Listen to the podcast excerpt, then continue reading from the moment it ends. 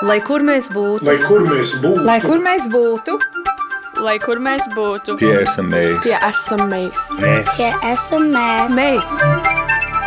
Tas ir par mums, tas ir par mums. Tas ir par mums.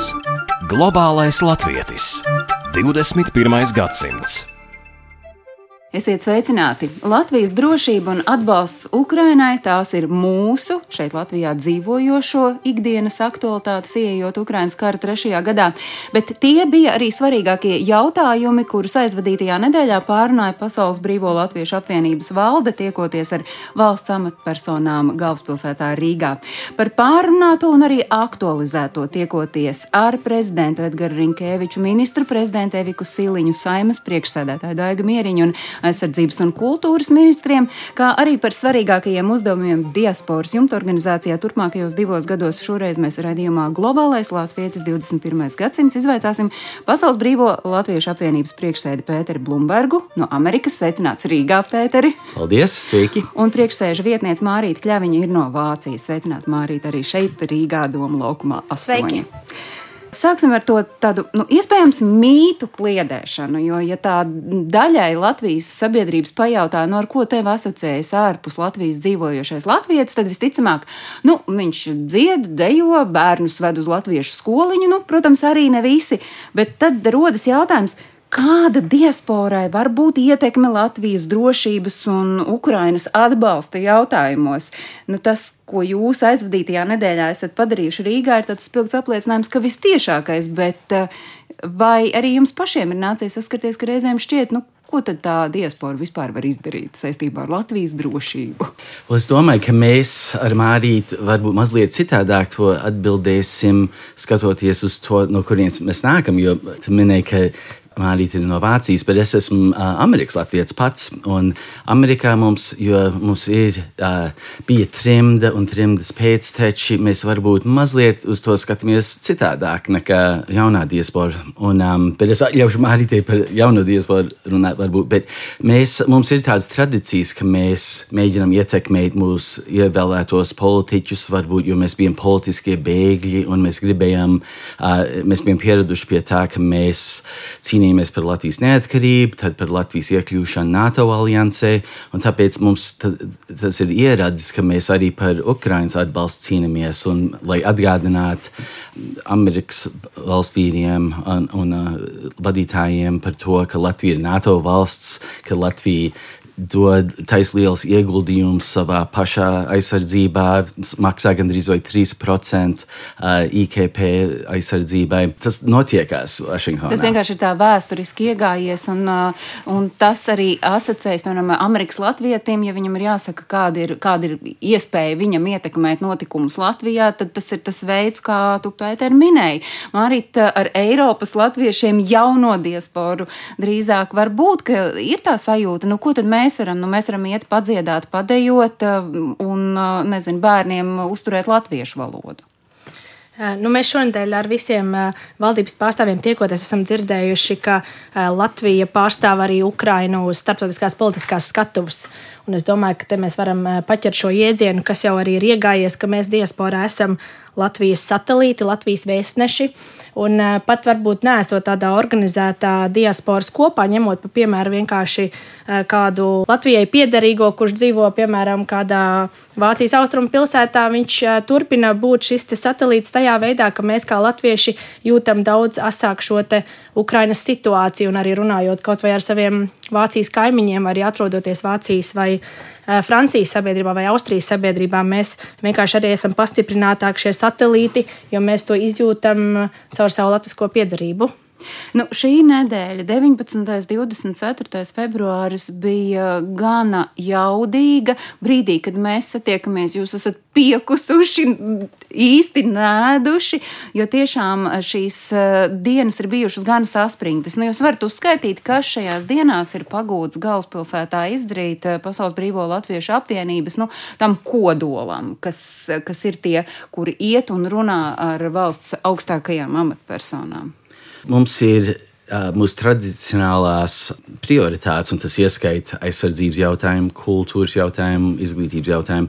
Bet mēs arī svarīgākais varbūt bija, ka mēs varējām, spējām apliecināt Latvijas valdībai, ka viņiem ir atbalsts ārzemēs, ka ir, ka Vašingtonā latvieši strādā, lai tikties ar kongresmeņiem, rakstīt vēstules un tādā veidā. Un es pats personīgi viņiem stāstīju, ka es satikos ar trīsiem kongresmeņiem pirms divām nedēļām un devu viņiem tos argumentus par, um, kas notiekās Latvijā un ka Latvija ir, uh, ir labs sabiedrotais viņiem.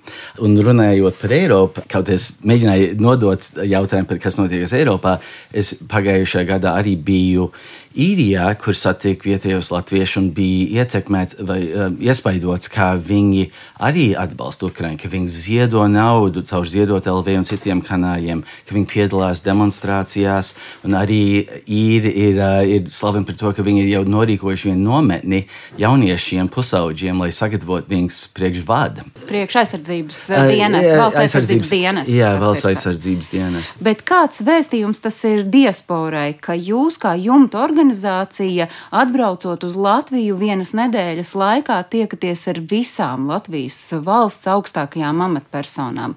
Kāda ziņa tā ir pašai diasporai un kāda varbūt tā ir ziņa mums šeit Latvijā dzīvojošiem? Mēs zinām, ka statistika saka, ka ārpus Latvijas jau dzīvo vairāk nekā 400 tūkstoši Latvijai piederīgo.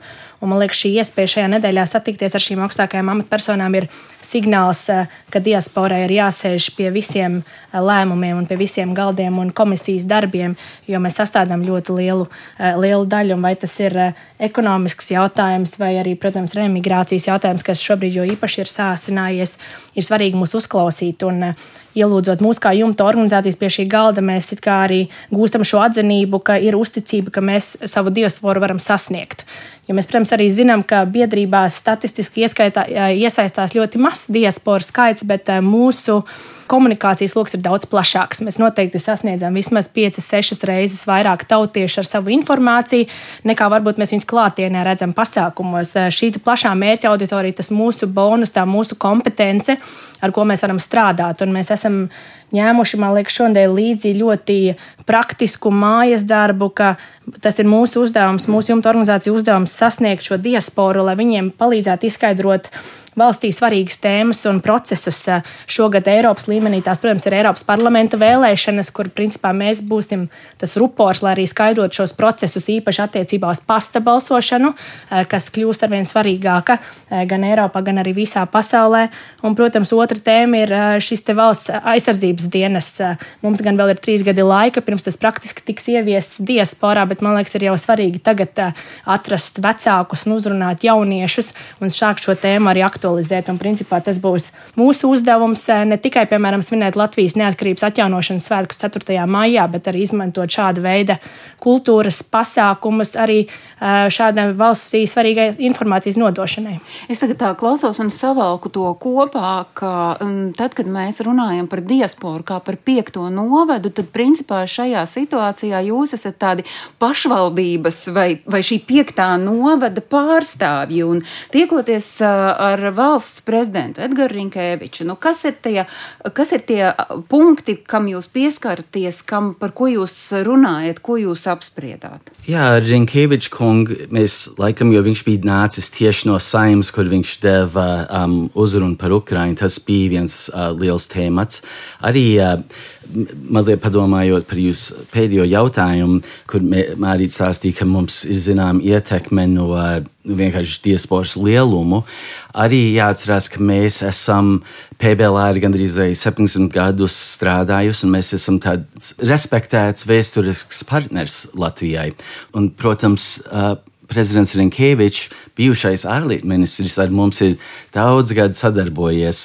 Prezidents pazīst ārzemes latviešu diezgan labi, un tā bija tāda draudzīga, es gan, tā gandrīz jau varētu teikt, ērta saruna, kur varējām pārunāt, kā viens otru izpalīdzēt. Bet ir arī skaidrs, ka šis signāls, ko mēs saņēmām no valsts, ir, ka mums arī ir laiks atrast veidus, kā pašiem dot atpakaļ vairāk Latvijai, nekā mēs to esam saņēmuši finansējuma formā līdz šim.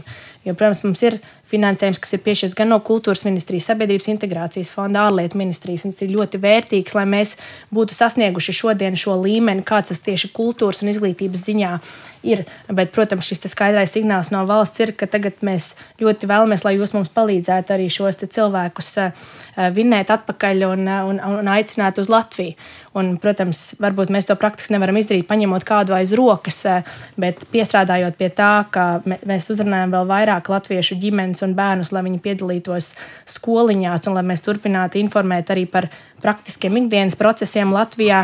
Mēs dodam šādu labāku bāzi un principā sagatavojam šos cilvēkus, lai viņiem atgriežoties Latvijā nebūtu tik grūti, kā mēs to šobrīd eh, dzirdam attiecībā uz integrāciju, arī piemēram valodas eh, jautājumos. Nu, ar Eviku Siliņu, ar ministru prezidentu tiekoties, kādi bija tie aktuālākie un svarīgākie jautājumi, kurus jūs pārunājāt? Un eh, vai šeit arī bija tā, ka uh, bija jautājumi no jūsu puses, vai, vai es nezinu, piedāvājumi un savukārt jautājumi un piedāvājumi, kas nāk no, no ministru prezidents puses? Tur arī tā bija ļoti draudzīga saruna. Um, kaut mēs, es domāju, gandrīz vai viss satikām Silings kundzes pirmo reizi. Tur arī bija varbūt mazliet lielāks uzsvars uz ekonomikas jautājumiem. Jo mē, mēs PBLā mēs uzskatām, ka mēs esam pazīstami par to, ka mēs rīkojam to PLAIF, Pasaules Latviešu ekonomikas un inovācijas fórumu. Mēs viņai par to stāstījām un arī par Spotlight Latvija konferenci, ko rīko Amerikā. So bija uzsvars, varbūt varētu teikt, vairāk uz tādiem jautājumiem pie, pie premjeras. Un tad savukārt saimnes priekšsēdētāja, jo nu, pēc deputāta Sīrmas Kalniņas, kas ir no jaunās vienotības iniciatīvas, ir izveidota saimnes darba grupa sadarbībā ar diasporu, lai veidotu ciešāku saikni ar tautiešiem ārvalstīs.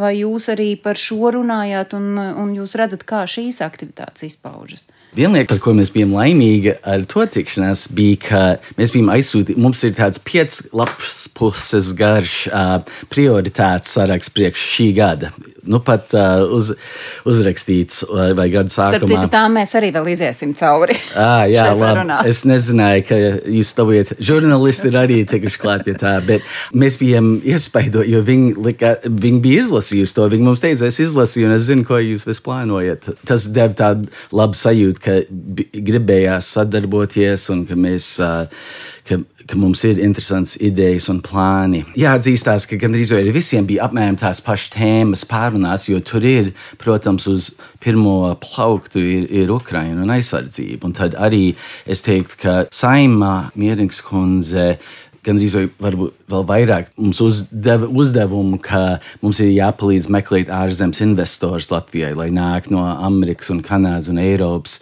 firmas, lai palīdzētu dot darbus un, un vienkārši investīciju. Tātad ekonomiski jautājumi ir aktualitātes tiekoties principā ar jebkuru no Latvijas valsts augstākajām amatpersonām, tieši tāpat kā uh, Latvijas drošības jautājumi. Nu, Tostarp, protams, arī tie, kuri ir saistīti ar ASV un arī Kanādā gaidāmajām vēlēšanām. Tie bija vieni no jautājumiem, ko jūs arī ar aizsardzības ministru pārunājāt Andris Prūdu tiekoties, jo arī tāda atsevišķa tikšanās jums bija. Es domāju, ka mēs bijām ļoti uh, konsistenti. Mums bija tas, mēs visās vietās teicām, ka ārzemes latvieši cīnās par Latviju, mēģinām mūsu tēlu, mūsu stāstu stāstīt un par visām labām lietām, kas šeit notiekās, un ka mēs esam ļoti aktīvi. Kļuv, pat varētu teikt, aktīvāk kļuvuši kopš Ukraiņa, Krievijas uzbrukumam, bet ka vienīgais, ko Latvija var darīt, šitādu, jo ir nepareģojama situācija un nemierīga situācija pasaulē, un arī varbūt Amerikā sakarā ar vēlēšanām un iekšpolitiku, ka šitādos gadījumos cilvēks var tikai fokusēties uz to, ko viņš pats kontrolē, un Latvija var vienkārši, ko viņi var kontrolēt, ir ieguldījums aizsardzībā. Pabeigt žogu starp Latviju un Krieviju, turpināt saka, būvēt uh, sēlīs poligonu, ievest valsts aizsardzības dienestu. Un to visu Latvija var kontrolēt, un ja viņi dara savus mājas darbus, tad es domāju, jācer, ka, ka izdosies, ka būs labi. Protams, kā Eiropā ir skaidrs, ka mēs arī skatāmies ar bažīgu aci uz vēlēšanām, kas gaidāmas Amerikas Savienotajās valstīs, bet mēs, protams, paturam prātā, ka 8. jūnijā būs Eiropas parlamenta vēlēšanas. Tā kā tas vēlēšana process šogad ir arī globāls, ne tikai, ne tikai Amerikas kontinentā. Un, principā, mūsu uzdevums, ko mēs kā diasporas organizācijas varam darīt, ir vienkārši mudināt un skaidrot cilvēkiem, kāpēc ir tik svarīgi šajās vēlēšanās piedalīties un ievēlēt arī valstiskas un eiropeiskas partijas. Jo, protams, politiski mēs sevi nenostādām nevienā pusē, bet ir svarīgi skaidrot, kāda šo politiķu, šo Latvijas pārstāvu loma Briselē ir un kāpēc ir svarīgi piedalīties. Un, jo īpaši vēlēšana ziņā šis būs arī izaicinājums šogad, jo ir gan, gan jautājums, ko darīt dubultiem pilsoņiem, kā viņi var vēlēt, un, protams, arī šī pasta balsošana, ko es redzu šogad, būs viens no mūsu lielākajiem mājas darbiem. Jo, principā, ir, protams, atkal iespējams izveidot iecirkņus uz brīvprātības bāzes, bet ņemot kaut vai par piemēru Vāciju, kur ir ļoti liela, ir skaidrs, ka no Minhenes eh, neviens nebrauks 7-8 stundas uz Berlīnas vēstniecību. Un, ja es gribu, lai šis minhenietis piedalās vēlēšanās un balso par Latvijas kandidātiem, tad viņam ir eh, jāsūta sava biļetene pa pastu uz Latviju.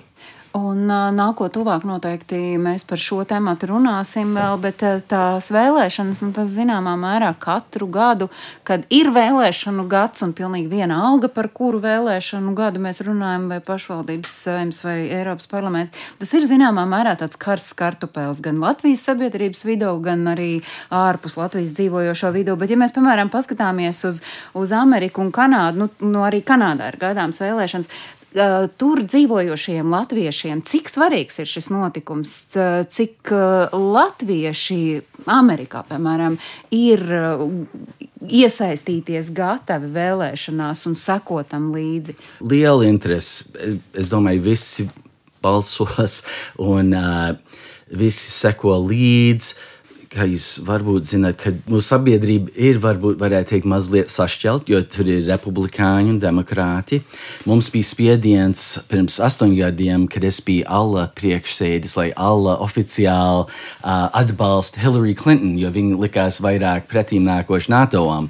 Un mēs teicam, nē, jo mums jābūt neitrāliem, jo, ja neievēlēja Clinton, tad mums nebūs labi. un es turpinu tā domāt, ka mums ir, un es arī to iesaku Latvijas, latviešiem un Latvijas politiķiem, ka nevar atbalstīt atklāt Baidenu. Jo, ja Trumps tiek ievēlēts, tad būs ar viņu jāstrādā. Un, bet es domāju, vēl redzēsim. Tad, bet katrā ziņā latvieši būs ļoti ieinteresēti tajās vēlēšanās. Es domāju, ka Amerikas Latviešu apvienība, ko es vairs nevadu, bet viņi parasti izsūtīja informāciju, kas ir kandidāti nostājas zināmos jautājumos. Un... Tad, tad tas ir vēl viens aspekts, ar ko, um, piemēram, Amerikas Latviešu apvienība, kā diasporas organizācija nodarbojas, izgl izglīto latviešu sabiedrību ne tikai par notikumiem, kas ir saistīti ar latviešu sabiedrību, bet arī ar notikumiem, kas ir mītnes zemēs. Bet, ja mēs um, runājam par to Latvijas drošības jautājumu, kā diaspora var to ietekmēt, eh, dzīvojot savās mītnes zemēs. Eh, mazliet jau Amerikas latviešu spējas un iespējas Pēters ieskicēja, bet mums pirms neilga laika šeit eh, redzamā globālais latviets bija saruna ar Latviešu Nacionālās apvienības Kanādā pārstāvjiem ar priekšsēdētāju Fritz Traugotu Kristbergu. Viņš gan arī bija šeit Latvijā šais dienās, bet nu ir devies atpakaļ uz Kanādu, un arī Ilzi Kuplēna Evarta, kur ir Latviešu Nacionālās Nacionālās apvienības Kanādā padomas priekšnieks, mēs toreiz runājām par to, kā tad, piemēram, Kanādā dzīvojošie latvieši var ietekmēt uh, gan Latvijas drošības jautājumus, gan arī runājot par Ukrainu. Paklausīsimies, ko Ilza un Frits teica toreiz. Mēs darbojamies ļoti cieši ar Kanādas valdību visos līmeņos, provinciāli un arī federāli, lai veicinātu atbalstu Latvijai. Un tas liet, tā lielākā iezīme būtu tā, tā NATO Forward Advanced Battalion, kas ir ādežos. Tāda politiska darbība NATO un, un, un Latvijas labā, un tā ir, ir uh, liels uzdevums arī LNK darbībai vispār. Un mēs motivējam arī mūsu apgabalu un reģionālu pārstāvis un grupas, lai pievienoties tur. Piemēram, mūsu mūs grupa Otavā ir ļoti darbīga un tā Edmontons uh, latviešu piedrība Imanta arī ir darbību ar to.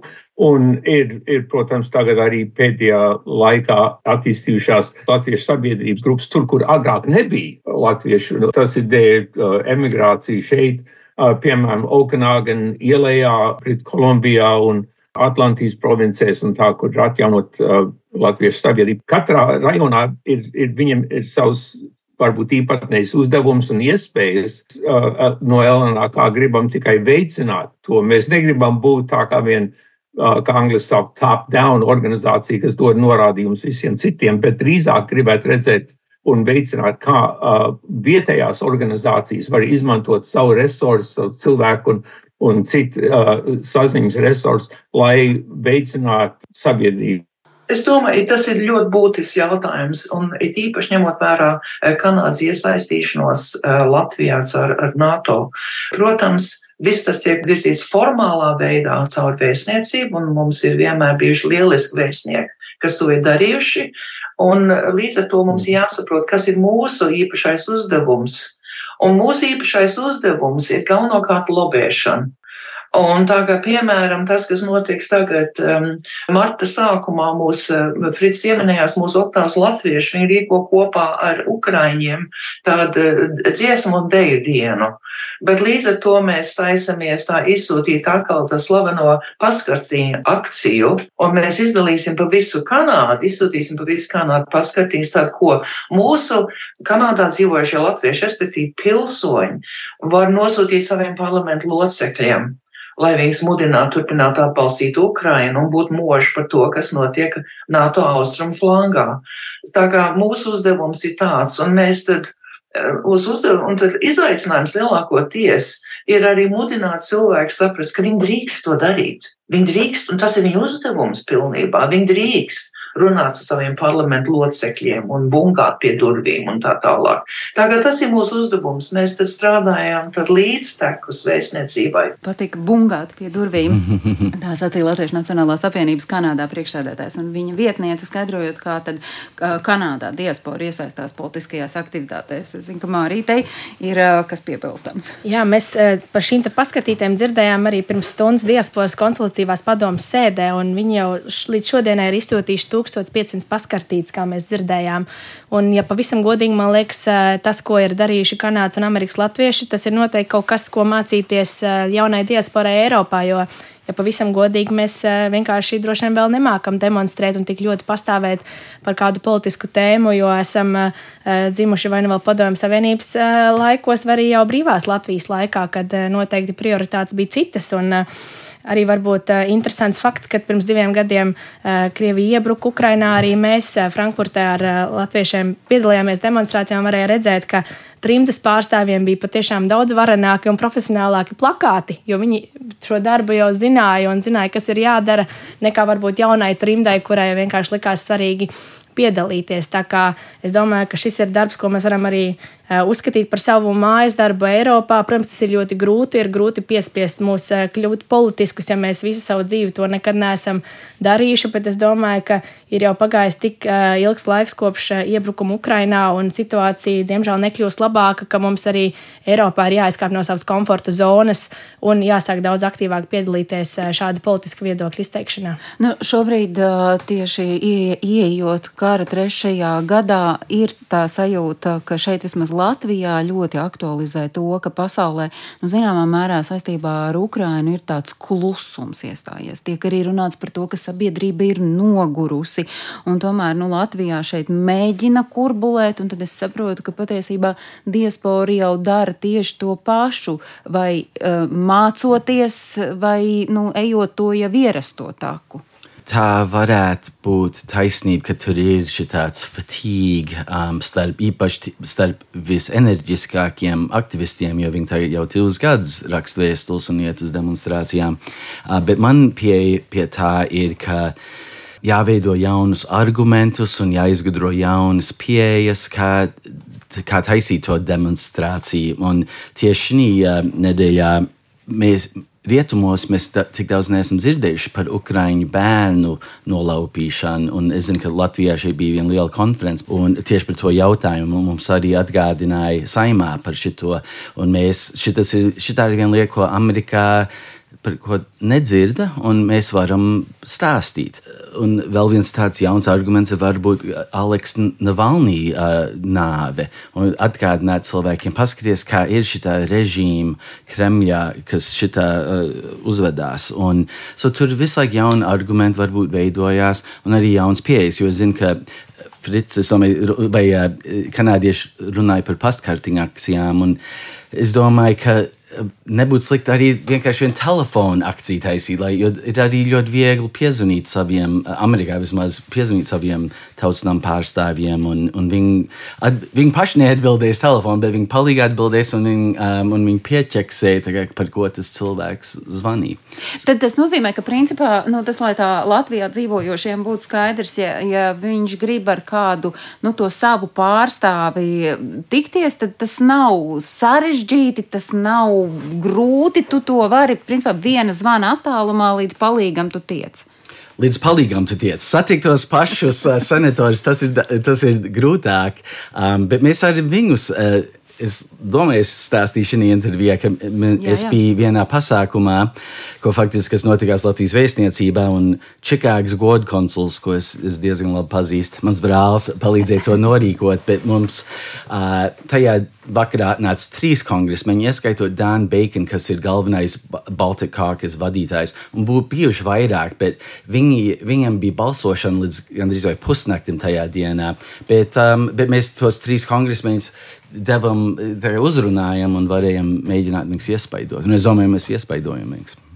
Nu, vēl jūs tikāties arī ar kultūras ministru, ar Agnēs Loginu. Savukārt, kādi tur bija tie svarīgie jautājumi, kurus jūs pārunājāt? Vai var teikt, ka akcents bija dziesmu svētki Kanādā, kas ir plānoti šai vasarā, vai tur ir vēl virkne dažādu citu punktu, kam jums nācās pieskarties un ko jūs izrunājāt?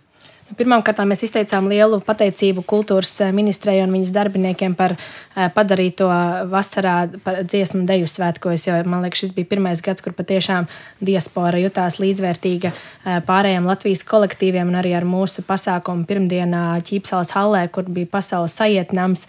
Mums principā arī bija iespēja pašiem kopā diaspo, ar diasporu kopā svinēt šos svētkus. Tā kā šī tikšanās noteikti bija uz šīs ļoti pozitīvas nots un, protams, iespējas ieskicējot šos reģionālos svētkus, eh, kurus mēs tagad gaidām tuvākajos eh, gados, vai tie būtu šogad eh, dziesmu svētki Toronto, kur arī pat no Eiropas ir kopas, kuras gatavojas uz turieni doties, vai arī jau ar skatu uz Eiropas Latviešu kultūras svētkiem Bretfordā, kuri notiks nākošais gada jūlijā. Tā kā šis reģionālo svētku ritenis noteikti turpina ripot arī neatkarīgi no, šie, no šiem lieliem piecgadus pasākumiem. Tēma, ko mēs arī ar kultūras ministriju izrunājām, bija arī te, šis te pastāvīgais atbalsts kopām, jo mēs arī esam šodien vairākas reizes dzirdējuši šo skaitli, ka vairāk nekā 80 kopas visā pasaulē ir saņēmušas finansiālo atbalstu, lai tieši stiprinātu savu ikdienas darbu. Un tas ir, protams, visiem plaši zināms fakts, ka pēc dziesmu svētkiem bieži iestājas šā, šāda veida nogurums kopās, bet ar iespēju atbalstīt katru kopu um, ar, ar finansējumu, viņi var stiprināt savu darbību, vai nu maksājot par telpu īrēm, kas arī Eiropā, piemēram, ir viena no lielākajiem izaicinājumiem, meklējot iespējas kopām darboties, vai arī pērkot dažādu veidu izēju materiālus, kas kopām ir vajadzīgi. Tā kā jā, tikšanās bija ļoti pozitīva un Un, man liekas, šī kultūra ir viens no tematiem, kur mēs esam iegājuši ļoti labās sliedēs. Te vienkārši bija svarīgi apstiprināt to, ka mēs ļoti labprāt turpināsim sadarboties ar kultūras ar ministriju un ka kultūra arī vienmēr būs viena no mūsu prioritātēm kā līdz šim jāskatās uz tuvāko divu gadu, jo skaidrs, ka tā Pasaules Brīvo Latviešu apvienības plānu sastādīšana ir nu, vismaz tādos lielos vilcienos, ir, ir tieši tajā divgadē. Nu, tad kas ir tie? Mārīt pieminēja vārdu izaicinājumi. Kas ir tie Pasaules Brīvo Latviešu apvienības izaicinājumi, runājot par tuvākajiem plāniem?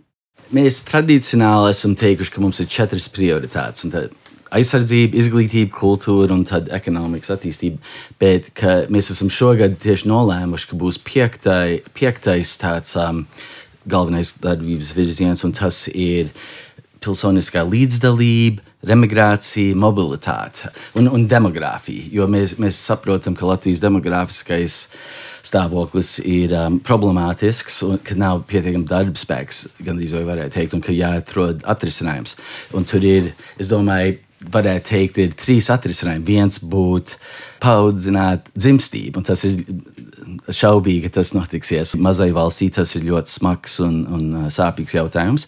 Tāpēc visticamākais atrisinājums ir um, remigrācija, jo tur ir simtiem tūkstoši latvieši ārzemēs, un viņiem, es domāju, jo es esmu daudz viņus tagad saticis pēdējā gadā. Pirms tam es varbūt viņus nepazinu tik labi, jo es biju amerikānietis un vadīju ala. Um, bet es domāju, ka tur ir liels patriotisms, ka tur, uh, ka tur ir daudz tie cilvēki Es negribu teikt, ka viņi dzīvo vienā latviešu burbulī, bet viņi ir ļoti tuvu ar saviem latviešu draugiem. Viņi seko, kas notiekās Latvijā. Tas man liek domāt, ka viņi ir orientēti varbūt uz mājās braukšanu, ja apstākļi ir, ir labi. Un, pie tā vienkārši jādarbojas. Mēs daudz arī šodien, vai, vai šo nedēļu. Um, dzirdējām par, par šitādiem praktiskām problēmām, ieskaitot, ka nav pietiekami mājokļi.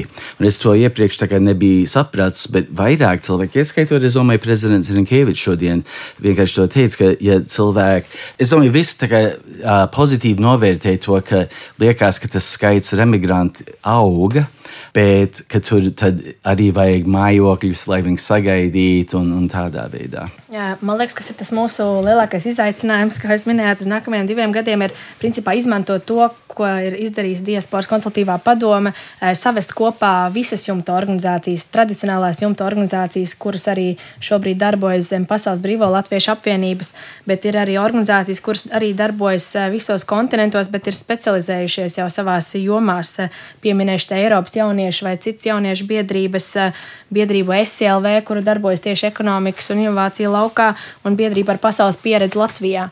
Un, protams, šīm biedrībām ir savas tēmas un sava ekspertīze. Eh, runājot par mūsu piekto prioritāti, kas ir mobilitāte un demogrāfija, tad, piemēram, tādas tēmas kā attālinātā darba regulējums vai ar nodokli neapliekamās pensijas. Eh, tie, protams, tās, protams, nav bijušas tēmas, kas ir līdz šim bijušas mūsu klasisko jumta organizāciju kompetencē, eh, bet te nāk palīdzīgā tieši šī sadarbība, kas mums ir radusies caur DKP sēdi ar šīm minētajām organizācijām, kā piemēram ar Pasaules pieredzi Latvijā, kuriem šī ekspertīze tieši šādos likuma jautājumos ir. Un, man liekas, tie ir svarīgi, ka mēs varam mācīties viens no otra un arī darboties kopā šīs tēmas atbalstot, lai tādai vienai biedrībai tas nav eh, jāpaceļ, bet lai mēs viņus arī varam atbalstīt ar savu eh, lielo globālo kompetenci. Tā kā šī labā komunikācija, kas ir izveidojusies, es domāju, ka tas mums obligāti nākamos divus gadus ir jānotur ar skatu arī uz to, ka būs eh, ka mūsu diasporas vēstniece teikt, kļūst arī par diasporu un dodas,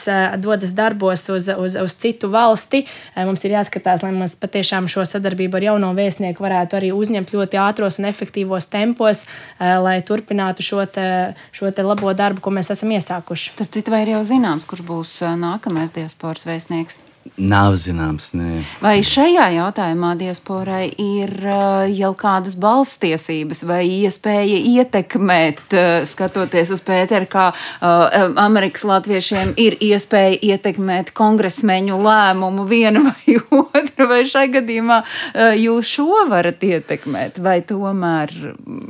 es vakar centos pierunāt Eihenbauma kungu, kurš ir bijušais vēstnieks Kanādā, bet es saprotu, šis process ir sarežģītāks un nav atrisināms vienas nedēļas laikā, esot Rīgā, bet es saprotu, ka te ir pilnīgi arī praktiskas dabas jautājumi, ka ikdienā es saprotu, vēstnieku rotācija notiek jūlijā mēnesī, un mūsu specifika ir tāda, ka Gavels kundze rotē tagad ziemā, un nezināšu arī visus kuluārus, kas notiek ārlietu ministrijas koridoros, bet mēs tikai varam cerēt, ka mēs esam pierādījuši, ka mēs esam eh, laba un vērtīga diaspora, ar ko ir prieks strādāt un ar ko ir iespējams sasniegt labus rezultātus. Es domāju, tad mēs arī atradīsim motivētu vēstnieku. Šodien iemācījos šo, šo jauku apzīmējumu superletiņu. Es saprotu, ka mēs tie trakie, kuri uzņemās vadošos amatu, eh, amatus biedrībās, esam šie superletiņi un varbūt tā ir motivācija kādu laiku strādāt ar šiem superletiņiem, lai varbūt uzņemtu to mūsu to mūsu patriotismu un vēlmi darboties. Ja, jo, kā tu minēji, mēs strādājam darba dienas vakaros un nedēļas nogalēs. Jo, protams, katram no mums ir ģimenes un maizes darbs, un principā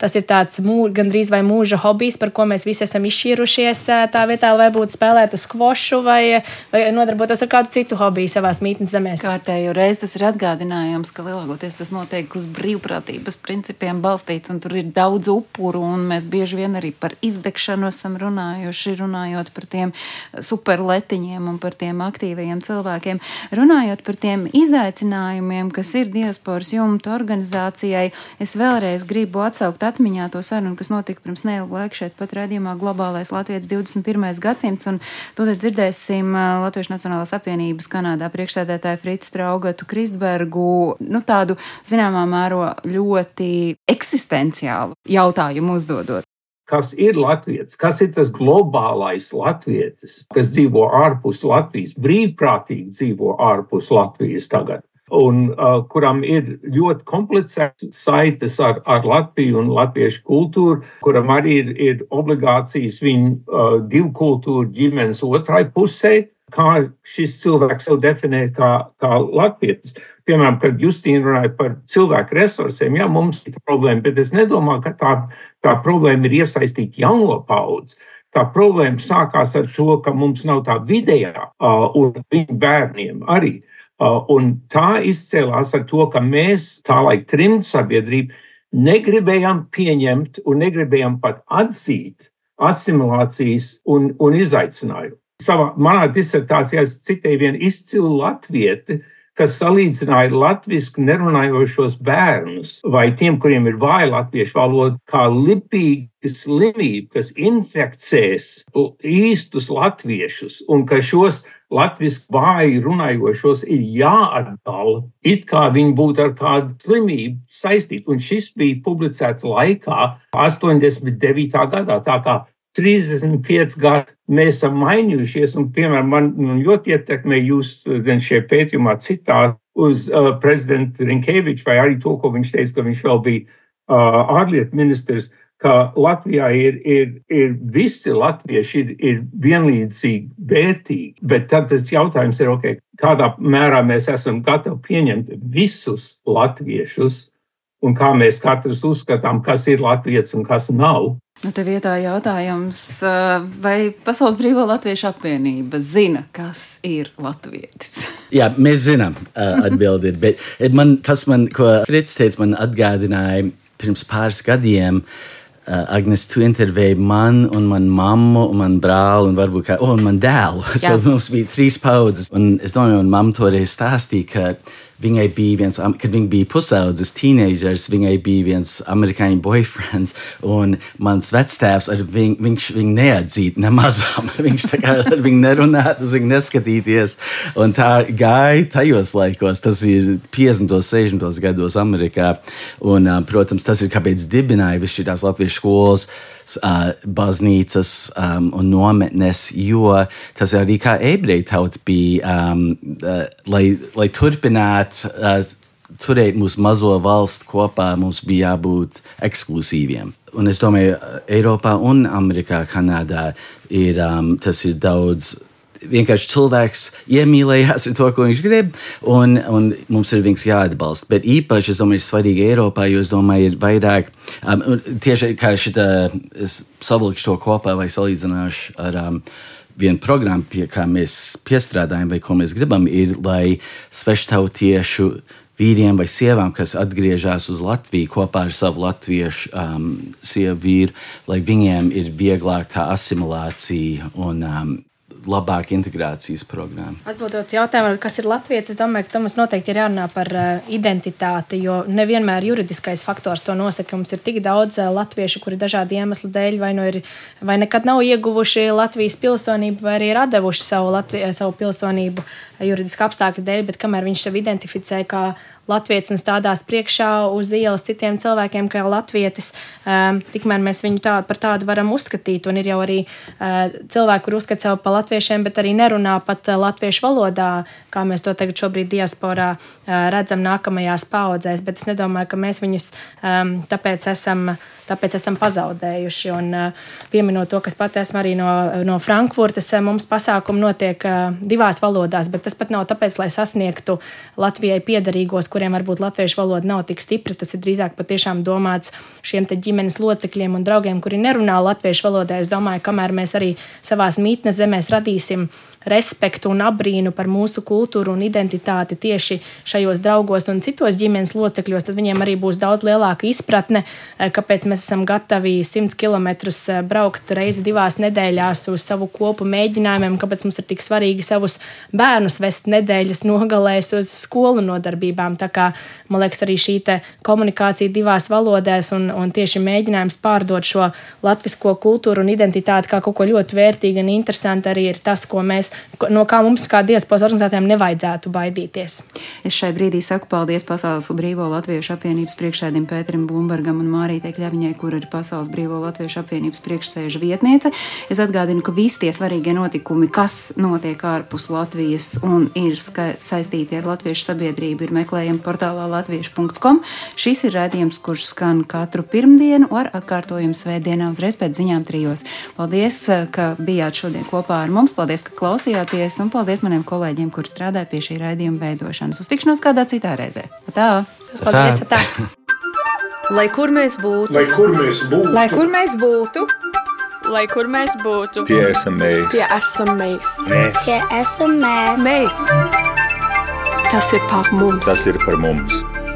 Tas ir par mums. Raidījums diasporai - globālais latvietis. 21. gadsimts.